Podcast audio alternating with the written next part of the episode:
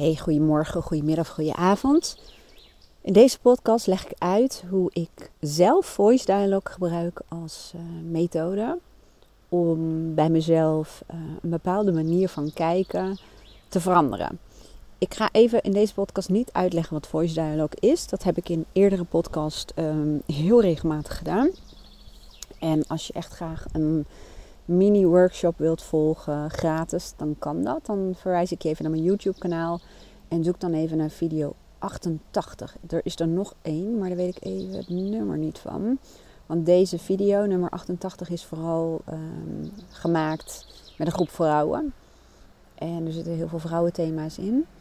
Um, en ik heb nog een keer zo'n opname gedaan, een webinar gedaan. Die heb ik ook opgenomen. En die kun je ook bekijken, maar daar weet ik het nummer even niet van. Maar ik zou zeggen, 88 is ook voor mannen gewoon relevant. Um, wat we vaak zien is dat, um, nee, is helemaal niet vaak. Dat is gewoon, ik was ondertussen even een kussen aan het verschuiven.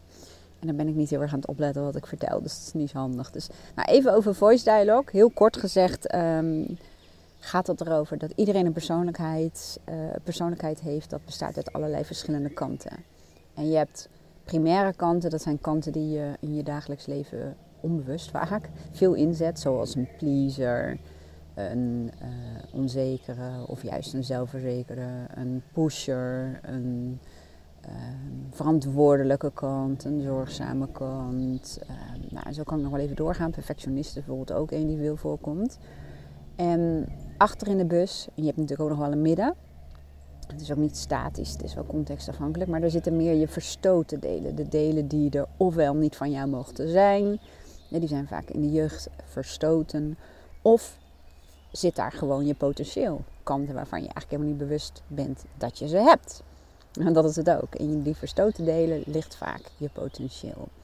Nou, ik ga in deze podcast even een kant van mij eruit lichten, wat echt een primaire kant is van mij. En dat is ook echt een kant, bij wijze van spreken, waar ik op moet letten. Want als ik dat niet doe, dan gaat hij soms zomaar aan mijn stuur zitten.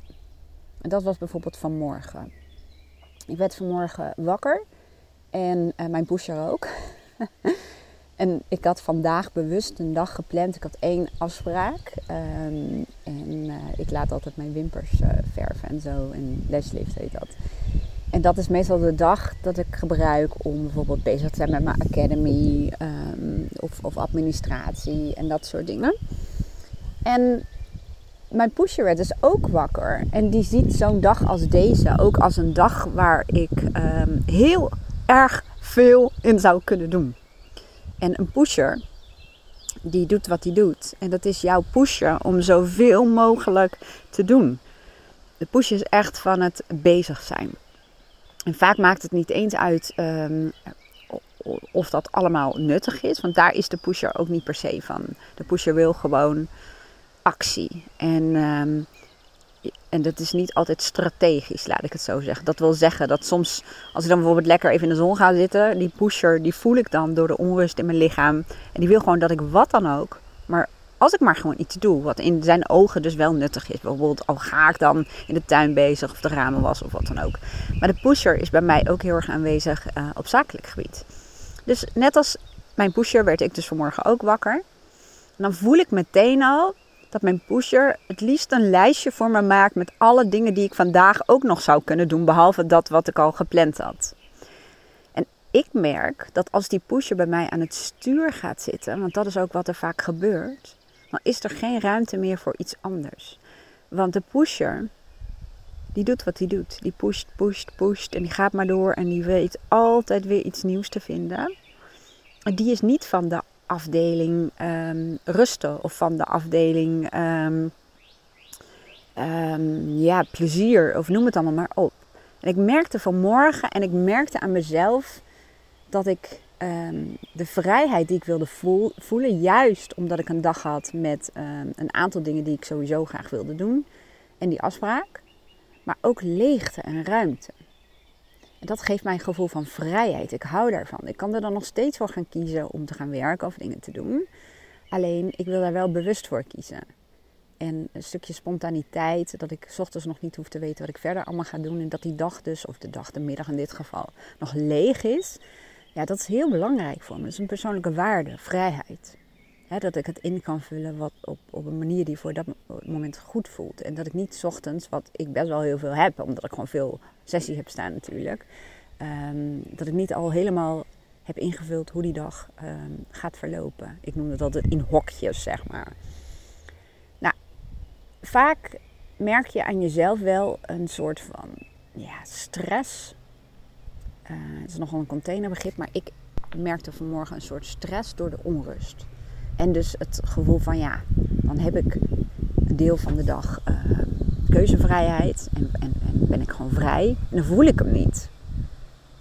En op een gegeven moment dacht ik, oh ja, maar ja, dit is voor mij het moment waarop ik een ander deel van mezelf uit mag nodigen. Omdat ik kan niet, zeker niet als die aan mijn stuur zit, van de pusher verlangen dat die ook gaat over ehm, van het leven genieten, uh, plezier maken, spontaniteit. Want dat is niet zijn afdeling. En als ik hem de ruimte geef om aan mijn stuur te gaan zitten, dan, dan zal ik die onrust en dat gejaagde daarvan ook voelen. En dan gaat het gewoon niet lukken om die vrijheid te ervaren en om echt helemaal te genieten. Juist van die, van die vrijheid en die ruimte in mijn agenda. Dus dat is misschien voor jou als luisteraar ook handig. Het eerste wat ik op dat moment doe, denk ik, ja, maar welk deel in mij, of welke kant in mij gaat daar dan wel over? Welk deel in mij heb ik dan nodig om wel die vrijheid te ervaren? Nou, in mijn geval kwam als eerste in mij op mijn levensgenieter. Maar dat kan ook je onbevangen kant zijn. Of je zorgeloze kant. Of uh, nou ja, whatever. Maar in mijn hoofd kwam dus de levensgenieter op. En dan kun je vanuit het perspectief van die levensgenieter naar dezelfde situatie kijken. En dezelfde situatie bedoel ik in dit geval mee de dag die ik voor me heb liggen. En een levensgenieter zou heel andere uh, dingen zeggen en een heel andere invulling hebben voor de dag dan een pusher. En door bij wijze van spreken te visualiseren van wat zou dan die levensgenieter zeggen. Die zou waarschijnlijk zeggen, doe de dingen die op je lijstje staan, want het is belangrijk voor je. Ga naar die afspraak en um, bepaal voor nu niks. Als je terugkomt, dan ga gewoon even kijken waar je zin in hebt. En um, bijvoorbeeld een idee van mijn levensgenieter, die is voor sommigen misschien heel apart. Maar ik ben als klein meisje blijkbaar, dat hoorde ik en dat weet ik ook nog wel, dat ik als heel klein meisje kreeg ik altijd zeepjes voor mijn verjaardag. Omdat ik echt zo gek ben op zeepjes en geurtjes en dingen. En um, toen ik wisselde van perspectief, kreeg ik in één keer zo'n beeld van om na die afspraak uh, even lekker op pad te gaan en wat nieuwe zeepjes te halen. En daar kan ik enorm van genieten. Maar dat zou mijn pusher niet bedenken, want die vindt zeepjes halen totaal nutteloos. Want daar scoor je niet mee als het ware. Want vaak is het ook zo dat, nee niet vaak, altijd, een bepaalde kant van jou, zeker een primaire kant, heeft altijd een functie. Die probeert ergens voor te zorgen, iets wat belangrijk voor je is. Die probeert gewoon, in mijn geval bij wijze van spreken, te scoren. En te zorgen dat ik um, ja, gewaardeerd word, dat ik dingen bereik, uh, me goed voel over mezelf, maar um, succesvol ben. Dat, dat, is een beetje de afdeling van mijn push, om het zo te zeggen. Maar dan zie je mijn levensgenieter, die zeggen, oh, ga lekker wat zeepjes halen. En daarna kijk je gewoon waar je dan zin in hebt. En dat is het leuke. En dan verander je dingen. Het helpt gewoon echt om vanuit verschillende perspectieven naar eenzelfde situatie, in mijn geval een dag, te gaan kijken.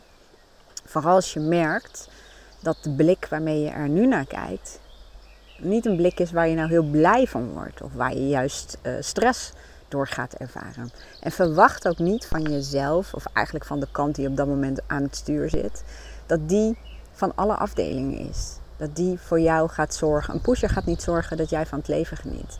In essentie is hij er wel enigszins op uit om ervoor te zorgen dat jij allerlei dingen doet waardoor je een soort van uiteindelijk van het leven kunt genieten. Maar dan moet je hem wel van je stuur halen.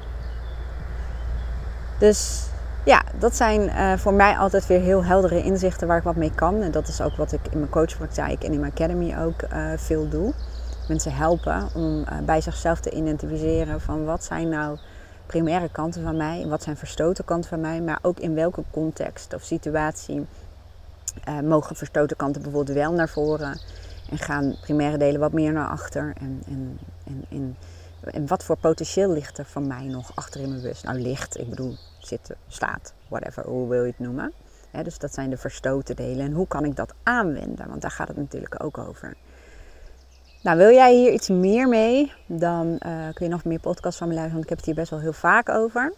Je kunt die video eventueel bekijken, nummer 88 op mijn YouTube kanaal. Um, maar ik heb ook een super gaaf, al zeg ik het zelf, uh, programma in mijn Academy staan. Die ik onder andere heb gemaakt met behulp van mijn pusher. Die ging door en die zorgde ervoor dat ook al was het bloedheet buiten en zonnig weer waar ik echt enorm van hou, dat ik toch binnen bleef om dit af te maken, om het goed te maken.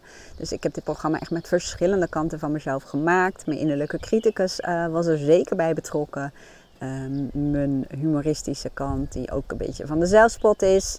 Mijn eerlijke, oprechte kant, om het zo uh, te zeggen, behulpzame kant. Dus we hebben samen een programma voor jou gemaakt waarin jij ook leert wat jouw primaire kanten zijn en wat je verstoten kanten, wat je potentieel is en, en wat je als het ware sterke kanten zijn. Dus daar kun je lekker mee aan de slag.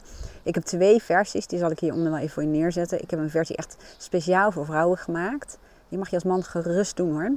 Alleen er zitten echt thema's in die ik echt uh, voor 99% bij vrouwen uh, heb waargenomen in alle jaren dat ik dit al doe. En alle onderzoeken die ik hierover overigens gelezen heb en alle trainingen die ik hierover heb gedaan. En ik heb ook een uh, voice dialogue programma, um, dat noem ik meer algemeen. Die kun je ook doen gewoon als je een man bent.